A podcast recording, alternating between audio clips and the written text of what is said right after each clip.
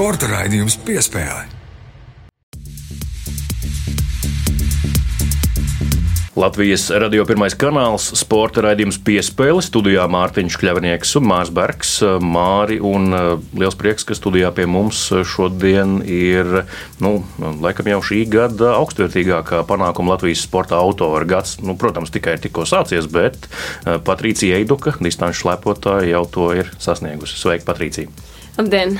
Jā, sveiki, Patricija. Gads tik, tikko ir sācies, bet tu jau esi paspējis izcelties ar ļoti augstvērtīgiem rezultātiem. Turklāt visaugstākajā iespējamajā līmenī distanču slēpošanā, tātad Tour de Ski, slēpošanas maratons kas ir arī daļa no pasaules kausa ieskaitas. Un, jā, varam atcerēties pagājušās nedēļas raidījumu, kad arī Patricijas rezultāti bija mūsu nedēļas topā, kur izcēlām pašu augšgalā. Nu, jā, un Patricija, bet mēs sāksim no cita leņķa drusciņa. Pirms divām dienām bija piekdiena, 13. Tev tas kaut kādā mērā, tavuprāt, nodarbina, tu tādām maiticībām vispār pievērst uzmanību, tici, vai tas tev iet grausīm? Nē, nē, es tādām lietām uh, vispār cenšos nepievērst uzmanību nemaz savādāk. Uh, mēs kļūsim pārāk atkarīgi un manticīgi no visādām lietām, kad grūti dzīvot būs. Tad jau katram melnam kaķim pievērsīs uzmanību, vai ne? Tieši tā, tieši tā. Galva būs sajaukt, jā. Un nav arī kaut kādas maiticības tev sacensību treniņu laikā, nezinu, pirmo autu to kāju vai kā citādi. Ja godīgi, man agrāk bija, kad man likās, ka man obligāti ir kaut kādā ziņā jāievēro tieši tas, lai uh, brauktu ātri vai tur Man vienmēr bija tā, ka man likās, ka man vajag tieši tā zeķes šodien, un tieši tā es tur ģērbšos. Atceries, bet, uh, Mārka, kā Konoram Makdeividam ar tām zeķēm. Iet, jā. Viņam, viņš pat saurās tagad vēl. Bet patiesībā sakot, tas viss ir kā, pilnīgi bezsvarīgi, un uh, svarīgākais ir tas, ka tev būs rezultāts, ja tu būsi formā, un nebūs, ja tu nebūsi formā. Un tas arī ir viss. Un pilnīgi nekādas darbības, kādas tev zeķis šodien kājās. Un, kādi mati vai vēl sazina, kas. Tieši tik vienkārši. Jā, Jā. piekdiena, 13. tā tad ir aiz muguras. Gan jau atkal būs kādā citā mēnesī, nē, tagad skaties, kad ir nākamā šāda reize. Tam arī nav nozīmes. Patricija, tu esi pie mums šeit studijā, esi atbraukusi pēc Turdiskī mājās uz Latviju šo dažu dienu laikā, jo Turdiskī noslēdzās pagājušajā svētdienā, tā tad ir apritējusi tieši nedēļa. Šajā īsajā, relatīvi īsajā nogriezienā es paspēju tiešām atpūsties, atalpoties pēc šī smagā maratonu, kas ir septiņi posmi deviņās dienās? Um. Šķiet, ka esmu, bet uh, tas atjaunošanās, tā kā pati es kā, jūtos uh, normāli, bet, uh, protams, tā sajūta varētu būt labāks. Līdz ar to esmu vēl atjaunošanās procesā, bet jau sākus treniņus. Jā, Latvijā ir kur trenēties šobrīd, jo aiz loga ir izskatās pēc pavasara tāda kārtīga.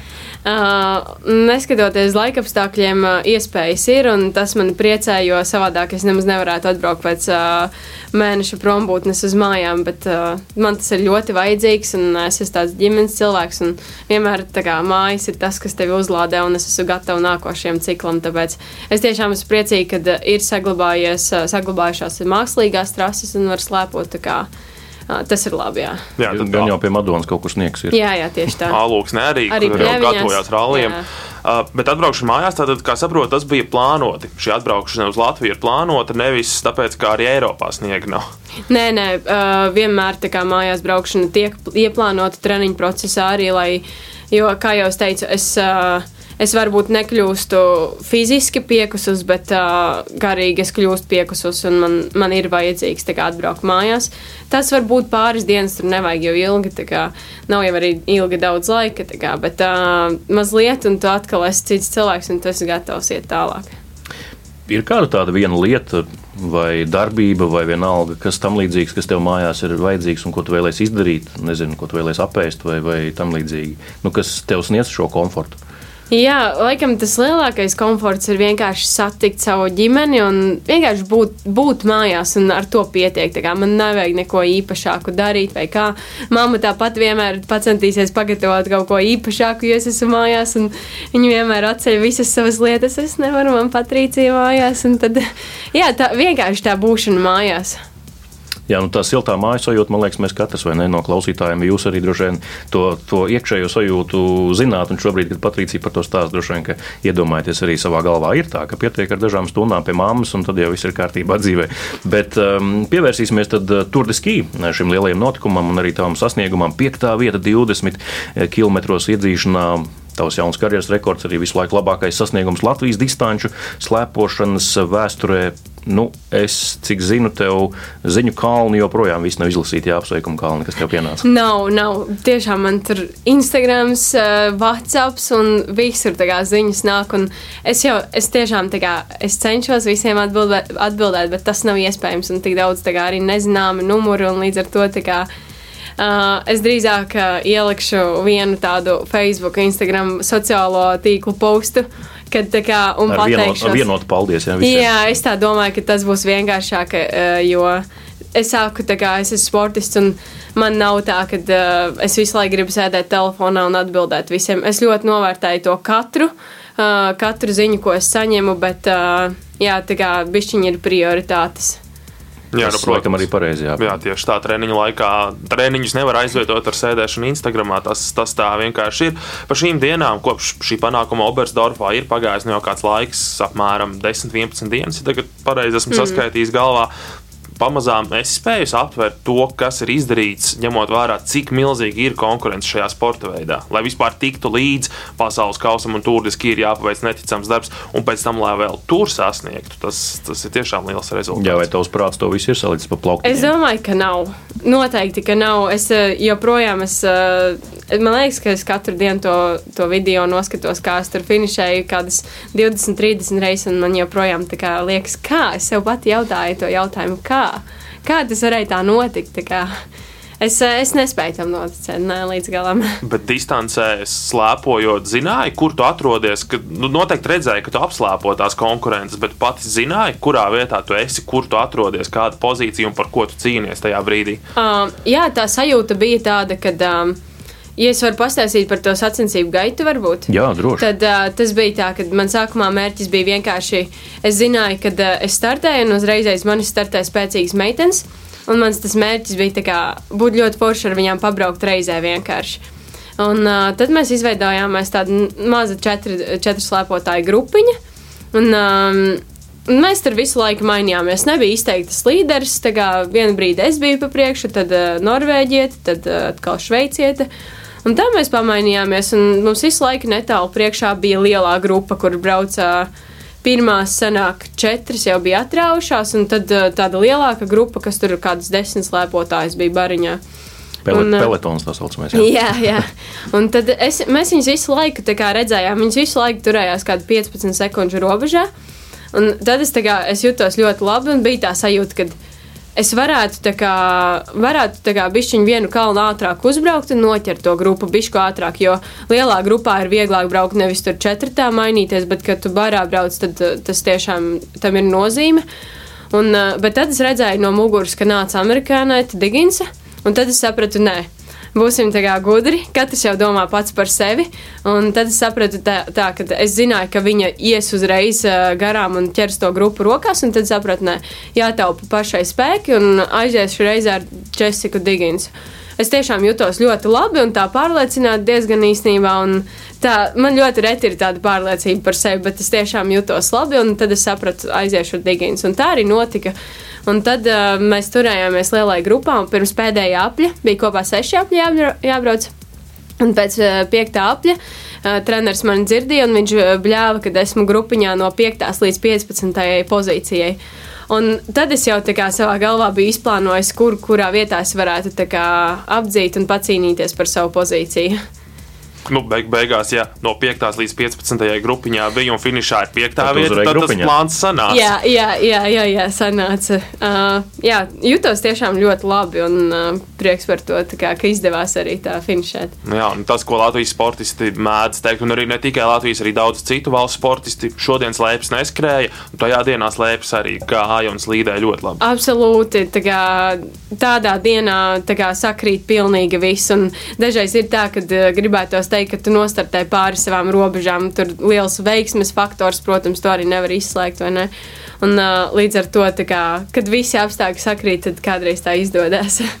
Bet vienā no pirmajām intervijām pēc šī tiešām ārkārtīgi augstvērtīgā un daudzināmā panākuma tu sacīki, ka um, pareizas taktikas izvēle, ka tas ir varbūt pat tas lielākais kumos tajā visā rezultātā. Uh, paver drusku priekškaru un pastāstu, jo tu stāstīji par to piekto apli un treneri, kurš dzirdināšanas mm. laikā tev bļāva. Kā tā taktika vispār notiek? Jūs kaut ko izstrādājat pirms jau slēpojuma, kā tu varētu rīkoties. Tad tas eh, trasē ir tevis paša ziņā, paša ziņā vērot apstākļus un, un kaut kādus scenārijus izpildīt, kas ir ieplānoti. Kā tas notiek vispār? Um, tas notiek tā, ka uh, dienu pirms sacensībām vakarā mēs dabūjam uh, visu trases to plānu, kā, kur, piemēram, būs dzirdināšanas un visādas tādas lietas. Un tur ir arī tādi uh, sprinta etapi, tie bonus punkti, kur vāc viņus. Un tad tev jābūt gatavam, ka tur, piemēram, būs tas uzrāviens un kā nepazaudēt grupu, un, vai arī neaizrauties līdzi, ja tu necīnies par tiem bonus punktiem. Piemēram, uz mani viņi neatiecās. Tad, uh, nu, attiecās, protams, bet tur nav jēgas, ja tur uh, es esmu no tiem uh, bon, jo tur tā kā pirmās desmit slēpotājs dabūja bonus punktu. Tas man Fried, nav jēgas. Tas uz Frīda Karlsona. Jā, jā, tieši tā. Un man, man nav jēgas izlikt savu enerģiju, lai mm. pacīnītos par pāris punktiem, kuri man vispār neko nedod. Un, um, Jā, un tad mēs dabūjām to visu, un tad treneris vienmēr kā, pamet kādu ideju, kur kādā brīdī ko labāk izdarīt. Un, uh, piemēram, tur neskrienam, tad, tad sākam, tā īstā sacensība sākas tajā brīdī, piemēram, un, vai arī, kad, piemēram, esi gatava sākumā būs ļoti traki, bet pēc tam atceries, ka tiešām temps kritīsies, viss būs kārtībā. Un uh, visādas tādas, un, uh, protams, vienmēr arī sacensību laikā treneri, ja redz, ko viņi var pateikt, piemēram, tad viņi man uzreiz arī cenšas mani nokontrolēt. Un, piemēram, Kuros brīžos viņiem ir tā iespēja, kad viņi te var uzbļaut? Uh, trasē ir kā, iespējas pārskriet pāri vai nu, mm. kā, uh, trases malā būt, un tad viņi man tā arī uzbļauj. Un, uh, Bet bieži ir jāuzbļauj Patricija lēnāk, netrako mierīgi. Uh, Pa lielam katrā sacensībās kaut kas tiek piekomentēts, par ko ir jāizdomājas. Sacensību laikā tieši. Jā. Bet kāda ir tā tava varbūt tendence? Tu pārāk vēlies skriet pirms laika, vai, vai es pārāk piesardzīgi, kāda varbūt tā tava maniera ir, ko viņi parasti korģē? Skriet pirms laika, un uh, arī tā, ka. Uh, man vēl bišķiņi jāmācās uzticēties viņiem. Jo, piemēram, man bija sacensības uh, Valdefiemē pēdējās trīs sacensību dienas, un otrajā dienā bija masu starts klasikā. Un man treneris bļauj, uh, pēc pirmajiem diviem, pirmajā aplī bļāva un otrajā aplī bļāva, bet bija arī kopā seši apļi. Un man treneris bļauj, brauc pa, pēc stadiona, brauc pa labo pusi. Un es nebraucu. Es domāju, kāds sakars braukt pa labo pusi, tā ir pilnīga ārmala. Jā. Un es pēc pirmā apļa nebraucu, pēc otrā apļa nebraucu. Trešajā aplī viņš vienkārši pie, pieskrien klāt, cik vien var, un vienkārši tā uzbļauj virsū. Es tev teicu, ka pa labo pusi jābrauc. Un tad es domāju, nu labi, tā kā paskatīsimies, kāds sakars, jo man arī pēc tam dzirdināšana ir kreisajā pusē. Un es tiešām, ko līdz es aizgāju uz labo pusi, lai gan neskatoties to, ka tā bija ārmala, tā līnija gāja tiešām daudz ātrāk.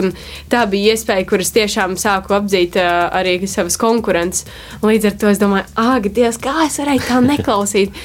Bet, nu, vajag kā, to laiku, lai lai tu uzticētos, jo man tas ir pavisam kaut kas jauns, kaut ko taktikot, kaut ko tur plānot. Es nekad tā iepriekš neesmu tā domājis par tādām taktiskām uh, nozīmēm sacensību laikā. Un, jā. Redz, kādas nianses mēs uzzinām, un arī klausītāji ne, liekas, ka tā jau ir tikai slēpošana, kāda mm -hmm. taktika, bet cik daudz interesantu un tādu sarežģītu nianšu tajā visā ir. Jā, iekšē. tiešām taktiska, taktiska cīņa un arī galu galā fiziska cīņa slēpotājiem un uz slēpēm braucot. Bet par šo piekto vietu Obersdorfā turpinot, pirms šīm sacensībām Vācijas trasē citu valstu sportisti sūdzējās par mīkstu trasi. Tur tas ir slikti un šis ir slikti. Dubļi, viss zaļš apkārt. Jā, slēpes, grimst iekšā, pabraukt nevar. Um, Kā, kā tas viss bija no tava skatu punkta? Kāda bija šī Obersdorfas trase? Jo tas, ko mēs televīzijā redzējām, arī nu, tāda balta sliede, mm -hmm. kur ir trase, sniegs Jā. tur ir, un tad viss pārējais izskatās tā kā šobrīd aiz loga. Zvied, jo Zviedrijas teica, vismaz cik es Aftonbladet lasīju, tulko to versiju, ka nu, mēs atbraucam 2. janvārī plus 14. Kas mm -hmm. tas tagad ir? Tā tiešām bija, un mums tieši tas 2. janvārs bija brīvdiena. Un um, te, mēs tikām trasē, tā kā patestējām slēpes. Un es vienkārši arī es braucu, un es domāju, ārprāts bija tāda putra nobraucienos. Vienkārši fotogrāfs stāv nobraucienā, lai vienkārši ķertu kadrus kā sportisti krīt. Jo tu nevari izcilāt pa tādu putru slēpes vienkārši. Un tur jau nevar arī neko nobremzēt, kad ir tāda putra, tās jau nav kalnu slēpes, vai ne? Tā kā, kad viņas tā vieglāk mm. stūrējās. Tur tomēr vajag tādu cietāku pamatu. Jā, jā, jā protams, tur nu, baigā putra bija. Un, um, Bet sniegs nelipa arī pie slēpēm, jo nu, Nē, tik, tik nē, tik temperatūrai traki. grūti Nebija svaigā sniega, līdz ar to nebija tik traki. Bet uh, ko viņi izdarīja sacensību dienās, kāpēc tā trasa bija izcila? Viņa nebija ne mīksta, nekā. Viņa bija tiešām ļoti laba, jo viņi pirms starta nosālīja viņu visu laiku. Un tad, piemēram, viņi nosālīja, teiksim, uz vīriešu startu viņi nesālīja, jo pa nakti bija mīnus, un viņiem tā trasa saglabājās ļoti laba. Tad uz sieviešu startu viņi nosāla, nu tā kā ar sāli viņi nokaisa, un tā trasa tiešām ir ļoti cieta. O, kāpēc kāpēc Jā. sāls? Kas tam par iemeslu? Jo Sāls ir, uh, sāls kausē taču sniegu un ledu. Uh, tur būs jāprasa Tā kā kādam gudrākam varbūt kāda ķīmiski īpaša sāls. Jā, jā, jā, tur kaut kādas, kaut kādas tā, tā kaut kāda ir tas. kā- Sāls maisījums, Jā, jā, Kaut kas jā. speciāls, jā, tur ir. Jā, un tad viņi to izdara, un tad tā trasa tiešām bija ļoti labā, ļoti labā stāvoklī, jo es pat tā kā tajā brīvdienās braucu un domāju, ārprāts, kas tad tagad būs, ja tur ar klasikas slēpēm vēl grūtāk ir izcilēt nobraucienus un tā. Nu, labi, bet, ja sniegs, ja arī sniegs trasa ir laba, tas eh, tavai tātad, eh, galvenajam instrumentam slēpēm patīk, bet tev pašai tomēr ir tik un tā jāsaskars ar apkārtējo temperatūru, gaisa temperatūru. Tas droši vien arī kaut kā maina to visu. Jā, ja godīgi man patīk, ka nav augsti. Mm. Tā kā man patika tie apstākļi, kad uh, priekš manis tas ir pilnīgi normāli, ja eh, sniegs ir tikai trasē. Es tieku trasē uz treniņiem, sacensībām, viss kārtībā, tad uh, nav tik traki, ja godīgi. Un uh, ir jau forši, ka tev nav tur jātentulējās, jāvelk termoveļas zem sacensību tērpa, forši, ka tu vari tā brīvi justies. Un, Tiešām bija, bija silti, un uh, es, kā, es pirmo reizi dzīvē pat svīdu sacensībās. Nekad sacensībās nesvīstu ziemā. Mm. Jā, tas droši vien arī nu, tīri, nezinu, psiholoģiski, ne psiholoģiski, bet vienkārši tas, ko ar acīm redzi, ka apkārt jau tā sniega nav. Nu, tas arī tā stipri saudabīgi un mm. sportistam nu, tas kaut kā var nostrādāt par labu vai par sliktu. kā Jā, kur. jā, es tādu, nu, kā kurš to uztver, jā, bet tā, tā sajūta ir tāda īpatnēja, godīgi. Seriāli droši vien. Jā, jā, jā. Jā, nu, bet uh, kā jau arī mēs te raidījumā esam ar Māru sacījuši, to arī Tomas Bachs, uh, Startautiskās olimpiskās komitejas prezidents, ir teicis, ka nu, sniega pasaulē paliek arvien mazāk, globālā sasilšana, mm. un kas zina, pēc 25 gadiem varbūt pusi no trasēm, kas tagad ir trases, nemaz nebūs Jā. trases. Tā kā tā tas ir. Uh, Par slodzi Mārs te jau to tematu iesāka, jā, tātad 7 posmu 9 dienās. Trīs pēdējie pēc kārtas. Jā, Frīda Karlsona, tur skija uzvarētāja, pat uh, neaizgāja uz apbalvošanu pēdējā posmā, cik es saprotu. Nu, spēka izsīkuma dēļ vienkārši nevarēja mm. fiziski to izdarīt. Jā. Ko tas prasa no tevis, piemēram, tāds režīms? Uh, nu, zini, kā es jau tāpēc arī trenējos, vai ne? Un uh, līdz ar to mēs tam, uh, mēs tām slodzēm, es gribētu teikt, ka mēs, uh, mēs viņām esam tā kā, mēs pielāgojamies. Un, uh, ja tu, ja tu esi pietiekami daudz trenējis, tad, protams, uh, tas prasa daudz, bet tāpat laikā uz to tu esi gatavojies. Tas nav tā, ka tur organismam šoks un viss ir beidzies apmēram. Uh, protams, redzēsim, kā ies ar to atjaunošanos. Nevar jau tagad neko tā baigi gudri spriedelēt, jo pieredze ir bijusi visāda iepriekš, tā kā uh, arī neatjaunojos līdz pat sezonas beigām. Bet uh, es šogad skatos kaut kā bišķiņu savādāk uz to visu, un uh, tomēr pozitīvi, jo, ja tu būsi piesardzīgs gan veselības ziņā, gan treniņu ziņā, tad uh, es uzskatu, ka viss būs kārtībā līdz pat sezonas beigām. Nu, Te jāpiebilst arī klausītājiem, ka Patricija ieradās Latvijas radio ēkā ar uh, aizsargmasku. Tas nozīmē, ka tu sevi sargā visādos veidos. Jā, treneri arī nobrīdināja tā, lai tā kā, tiešām maksimāli izvairās no visādām lietām. Nu, tā kā, jo tā imunitāte, imunitāte šobrīd tiešām ir diezgan zema. Uh, nu, slikti kā, un uh, līdz ar to tas nozīmē, ka es varu dabūt jebko, un tāpēc labāk, uh, cik vien var izvairīties.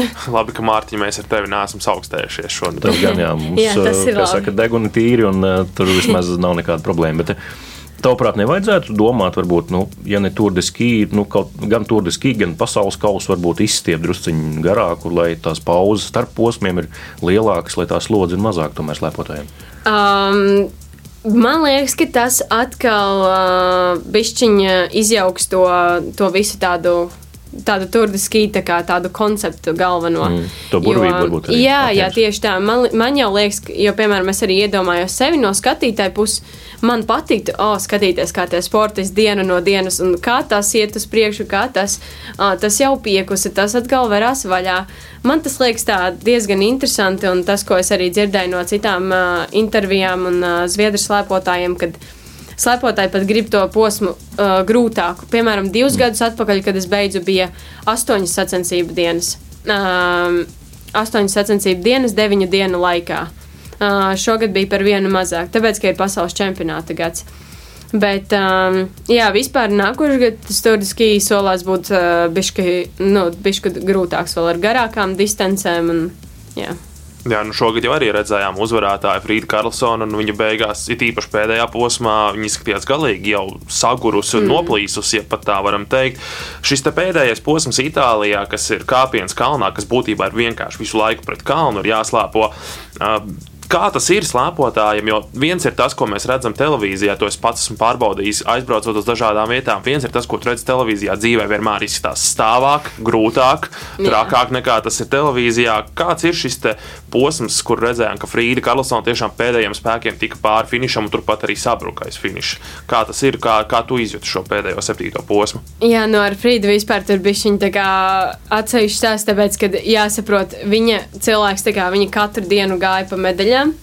Un līdz ar to tam arī vēl, vēl lielāka nozīme. Kā, tu nevari nostartēt. Tas ir tikai normāli, ka tu nevari nobraukt.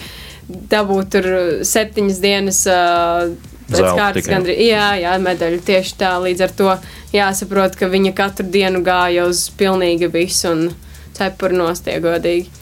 Um, tas kalns pats uh, man arī tā diena nebija tā viena no vieglākajām, ja godīgi. Es biju domājis, kā kaut kā, ka būs bišķiņi vieglāk, bet um, man, man tā kā divus gadus atpakaļ, ja skatos, tad man likās, ka viņš bija vieglāks. Šogad man arī sanāca diezgan, diezgan pacīnīties, jo ta, tā kā, tas kāpums sanāk, um, sanāk trīs km braukt pret kalnu no lejas līdz augšai. Un, uh, tad, kad es redzu, ka vēl divi kilometri jābrauc, es domāju, ak, šausmas. Es, es būtu, man tajā brīdī likās, es būšu vienkārši priecīgi, ja es finišēšu, un tā kā nav nozīmes, kurā vietā, kurā pozīcijā. Kā, nu, jā, tā kā grūti jau ir izstāstīt, ja godīgi es vienkārši ieteiktu aizbraukt. Pamēģiniet un... paši. Jā. Kaut Nē, vai kaut vasarā uzkāpt. Jā, kaut, vai kā, kaut vai kā skatītājiem nākošajā gadā, kad būs uh, Alpacērums, tur ļoti brīvi pieejama, pieeja pie trases ir visa kalna garumā līdz ar to. Tad tā kā saprast, jo televīzijā, televīzijā tiešām es tā skatos un nu, nevar pateikt to, kas ir dzīvē. Tā ir televīzija, ir tā, tā māņu, tas māņu aspekts tajā visā, mm -hmm. ka tas viss izskatās citādi, dažā, par dažādām lietām runājot, yeah, yeah. ne tikai sporta. Bet uh, tur diski kopērtējumā Patricija Eidukai 14. vieta, uh, bet uh, tu esi labākā vecumā līdz 23 gadiem šajā konkrētajā ieskaitē. Var teikt, ka tu esi šobrīd pasaules labākā jaunā slēpotāja. Grūti tā pateikt, protams. Es, es, man jau tas liekas tā skaļi teikt, cik godīgi. Ir jau tā, ka uh, tu vienmēr nevari, es vienmēr. Kā, ja mēs skatāmies atpakaļ līdz uh, no sezonas pirmajiem pasaules kausa posmiem līdz tagad turdiskī beigām, nav jau tā, ka es visos posmos esmu bijusi labākā U20 grupā. Uh, vairākumus posmos es biju, bet tāpat tās nu, ir spēcīgas meitenes. Katrai tā diena, kā kura diena sakrīt, viena ir labākā formā, otra sliktākā. Es, uh, Tā, e, pēc kopvērtējuma tā sanāk, bet, protams, ka ir daudz labs slēpotājs vēl arī aiz manis. Jā, bet stabilitāte jau nāk līdz ar pieredzi, un tajā vecumā līdz 23 gadiem varbūt to nemaz nevar un nevajag prasīt no slēpotājiem. Nu, tā vienkārši ir. Jā, es tā domāju, jo, ja es skatos uz sevi, tad, tad ir tā, ka vienkārši es katru gadu vēl tik daudz ko par sevi mācos, un katrs gads ir kaut kas pilnīgi cits, un līdz ar to par kādu stabilitāti vai ne var iet runa. Jā, ar Mārtiņu pieskāries šai pieredzes tēmai. Šis tev pašai nebija pirmais tūris, ski ir bijusi pieredze šajā sacensībās, startējot arī iepriekš. Cik daudz esi mācījusies un ko esi mācījusies no šīm iepriekšējām pieredzēm tūris, kas ļāva nostartēt šādi šajā sezonā? Um, tā lielākā mācība laikam ir pēc tūris, kad ir tiešām jāatpūšas, ir jādod organismam atpūsties, ka tu nevari uzreiz braukt uz augstkalnu treniņu nometni un gatavoties uh, nākošajam čempionātam. Ja tu esi izlēmis to turiski braukt, tad tev ir jāplāno laiks gan pirms viņa, kad tu ne, netrenēsies ļoti daudz, gan pēc. Nu, un, uh, Tieši turis laikā tur, um, tur jau neko daudz nevar pamainīt. Tu katru dienu vienkārši startē kā, kā jaunu dienu un viss. Jā. Tur tāds konvejers vairāk, jā, jā, jā, jā, jā. nedomā pārāk. Mm. Bet, jā, nu, tas par Tour de Ski, bet par tavu sadarbību, kas sākās ar Anglijas komandu pirms šīs sezonas. Norvēģu treneri, kas tas ir, tas jaunais, tie, tie vārti vai Pandoras lāde, kas tev ir pavērusies par taktiku. Tu jau teici, ka tik daudz taktikas mm. tavā pieredzē nekad nav bijis no treneru puses vai no pašas izpildījuma Vēl kas tāds specifisks? Jā, tas noteikti ir slēpju servis, ir ļoti labs augstā līmenī, jo sadarbība ir ar Norvēģijas uh, smērētājiem.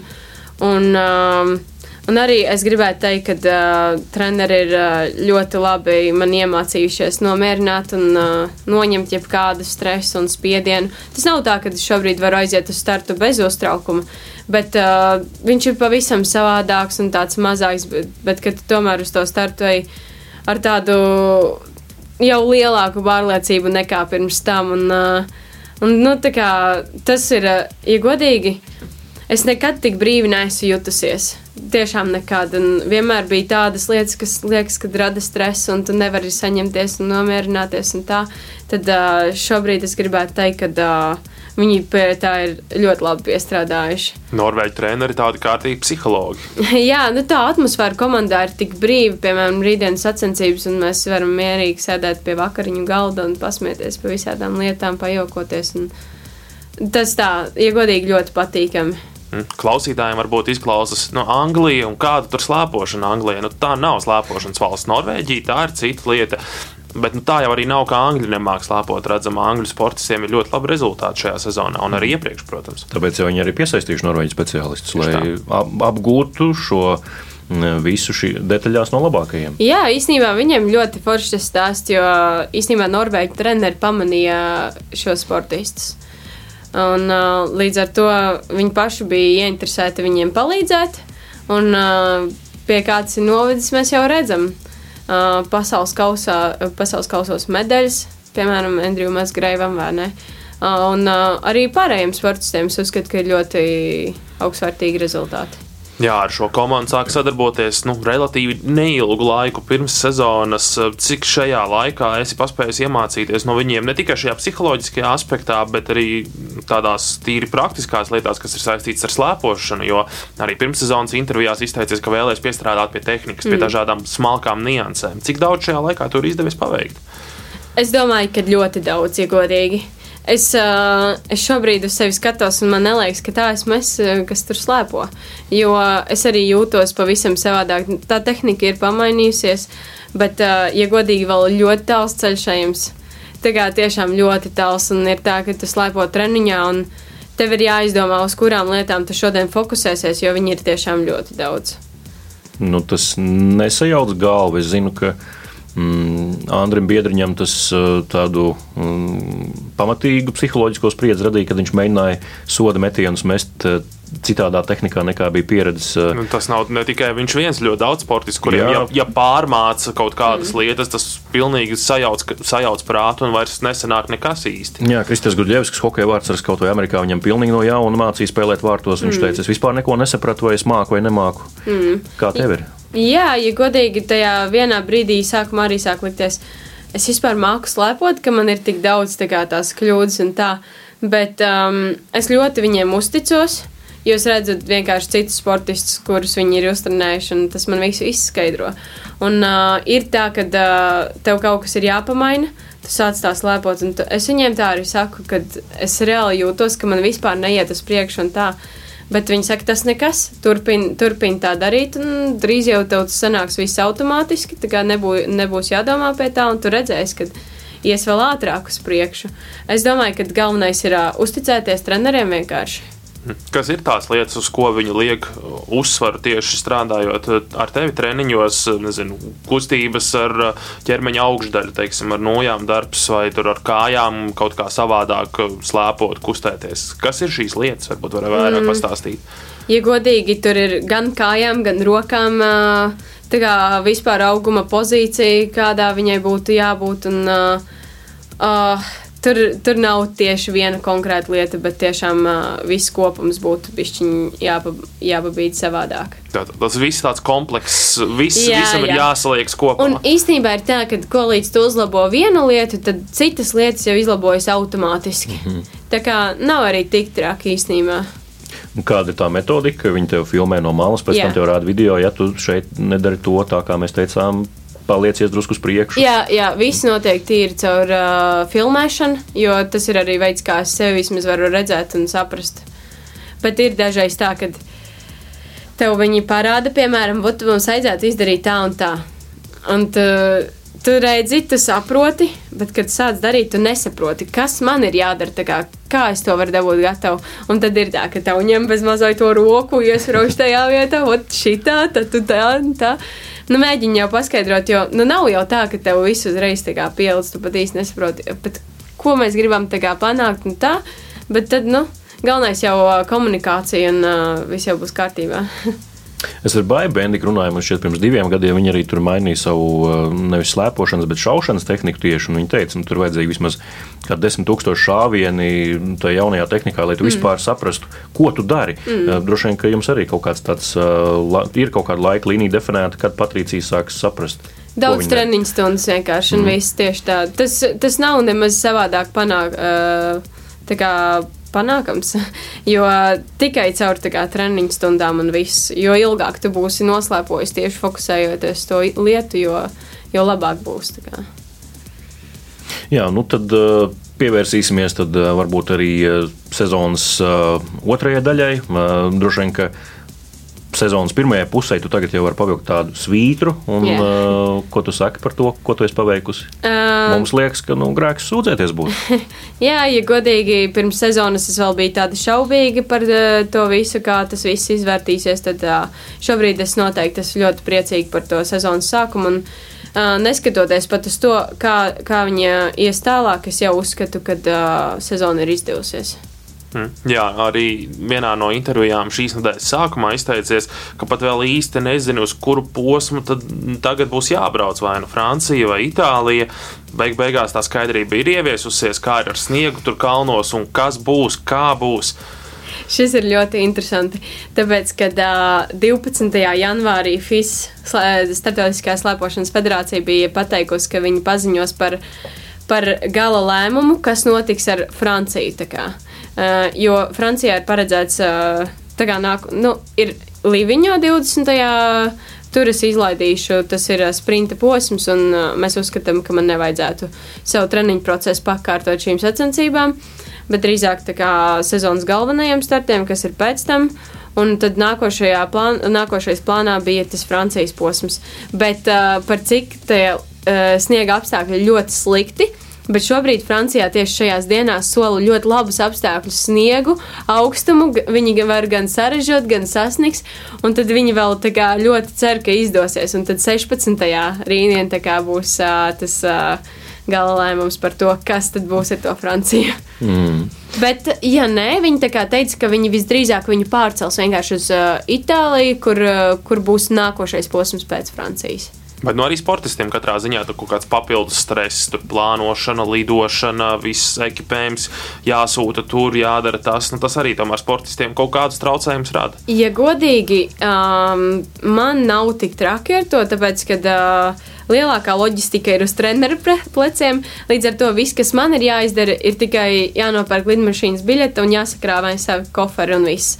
Līdz ar to sportistam tas ir ļoti viegli, un man pat, ja godīgi, ir viena alga, kur tās sacensības būs Francijā vai Itālijā. Es esmu gatava braukt uh, jebkurā virzienā, bet uh, trakākais ir tiešām ar smērētājiem, jo viņiem tur bija tas viss, tā loģistika ir sarežģītākā. Mm. Jā, nu tad. Uh... Pasaules čempionāts laikam tagad ir tas nu, nākamais lielais mērķis. Jau tagad sākas gatavošanās, vai vēl tomēr ne? Jā, jā, noteikti. Un es jau varu teikt, ka tā gatavošanās jau vispār Viss sākās. Pirmā pussezona jau. Jā, jā, tieši tā. Un, uh, um, jā, es varētu teikt, ka viņa tieši šobrīd priekš tā pasaules čempionāta viņa jau ir sākusies. Uh, kas ir kārtīgi atjaunošanās, lai varētu atkal sākt kārtīgi trenēties. Mm. Pasaules čempionāts Slovenijā mēs ar Mārtiņu arī kārtīgi esam izpētījuši šo vietu, Jā. kur tas viss notiks. Um, ka, kas, kāda ir šī vieta? Tā ir augstkalne vai, vai, vai kas, ar ko šī vieta būs interesanta slēpotājiem? Ka, kas ir tas, kam būtu vērts pievērst uzmanību šajā sacensību vietā Plānicā? Jā, mēs varam pastāstīt, jā, ka mēs ar Māri apsvērām redakcijā domu braukt klātienē, paskatīties, mm -hmm. kā tu slēpo, bet nu, ar viesnīcām tur ir kā ir. To nav tik daudz, un, un tās ir ļoti dārgas, jā, tur kalnos tieši oh, tūmā. Es īstenībā nezināju to nemaz. Bet ir, es domāju, ka ļoti liela problēma ir arī tā, ka ļoti daudz tās viesnīcas ir kā oficiālā dzīvošana valstīm, un līdz ar to tas arī tur varētu būt diezgan sarežģīti. Cena kategorija pats izreiz, jā. Jā, jā, un nu, tā kā, jā, arī tā pieejamība uzreiz ir daudz mazāka. Mazinās, Um, ja godīgi, es pati neesmu nekad bijusi planētā. Mm. Un uh, viss, ko es zinu, to, ka trase būs ļoti smaga, esot pārtaisīta kāda mm, savādāk, kā viņa bija, esot bijusi agrāk. Um, tā nav līdz galam augstkalna, tā tāda viduskalna. Vairāk, man liekas, ka tur bija kaut kāda 1300 metri virs jūras līmeņa. Uh, un, um, Nu, jā, protams, kā, tas sagatavošanās posms būtu jāizvada vismaz tādā augstumā. Uh, lai uh, tu pēc tam brauktu uz planētu. Mm. Kā... Ko, ko tas nozīmē šajā augstumā? Metri? Jā, 1300 metri. Mēs esam bijuši kalnos, zinām, ka ir mazliet savādāk, ir elpošana savādāk, bet cik liela atšķirība ar sportistiem? Vai tie ir 1300, vai tie ir 1500, vai tie ir 1800 metri, piemēram, virs jūras līmeņa, kad ir jāstartē? Jā, uh, 1800 tas ir daudz. Tad, tad tu tiešām jūti, ka tā ir tā papildus. Nu, tas ir ļoti grūti. Tad galva reibstiem. Uh, varbūt neteiksim, ka galva reibs, bet tu vienkārši tev nav tā kā.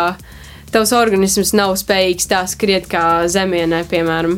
Bet, uh, ja pavisam godīgi, tad uh, sportisti ir ļoti radināti jau priekš augstkalnos, jo ļoti daudz treniņu procesu tiek aizvadīts tieši augstkalnos. Arī tas kā treniņu sastāvdaļa, un līdz ar to um, es eh, ne līdz kādiem, es nezinu, 1500 metriem virs jūras līmeņa. Es domāju, ka uh, lielākā daļa sportistu tomēr jūtas diezgan normāli.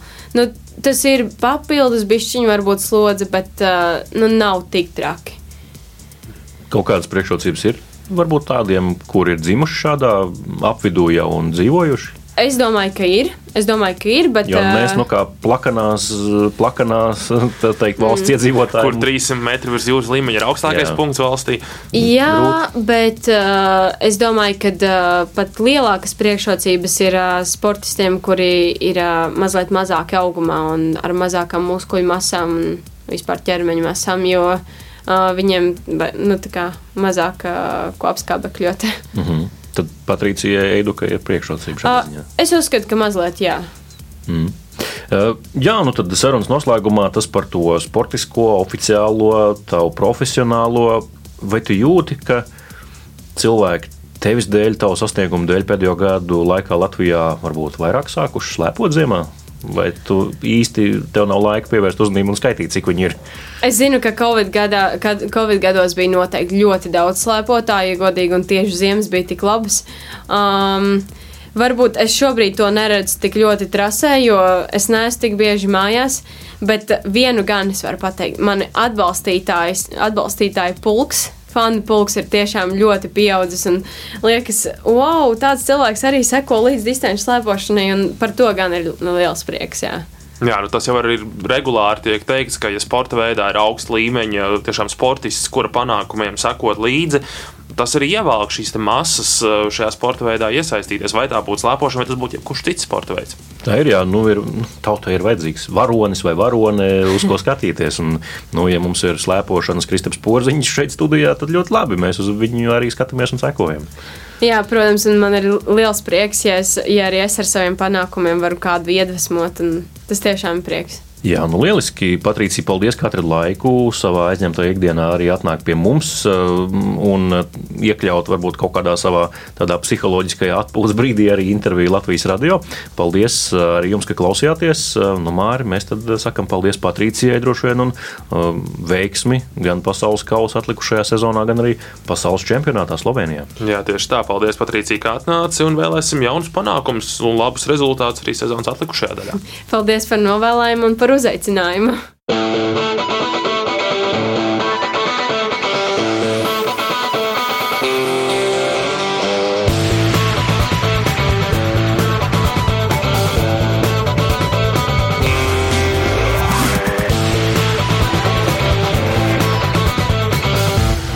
Sporta raidījums piespēlē.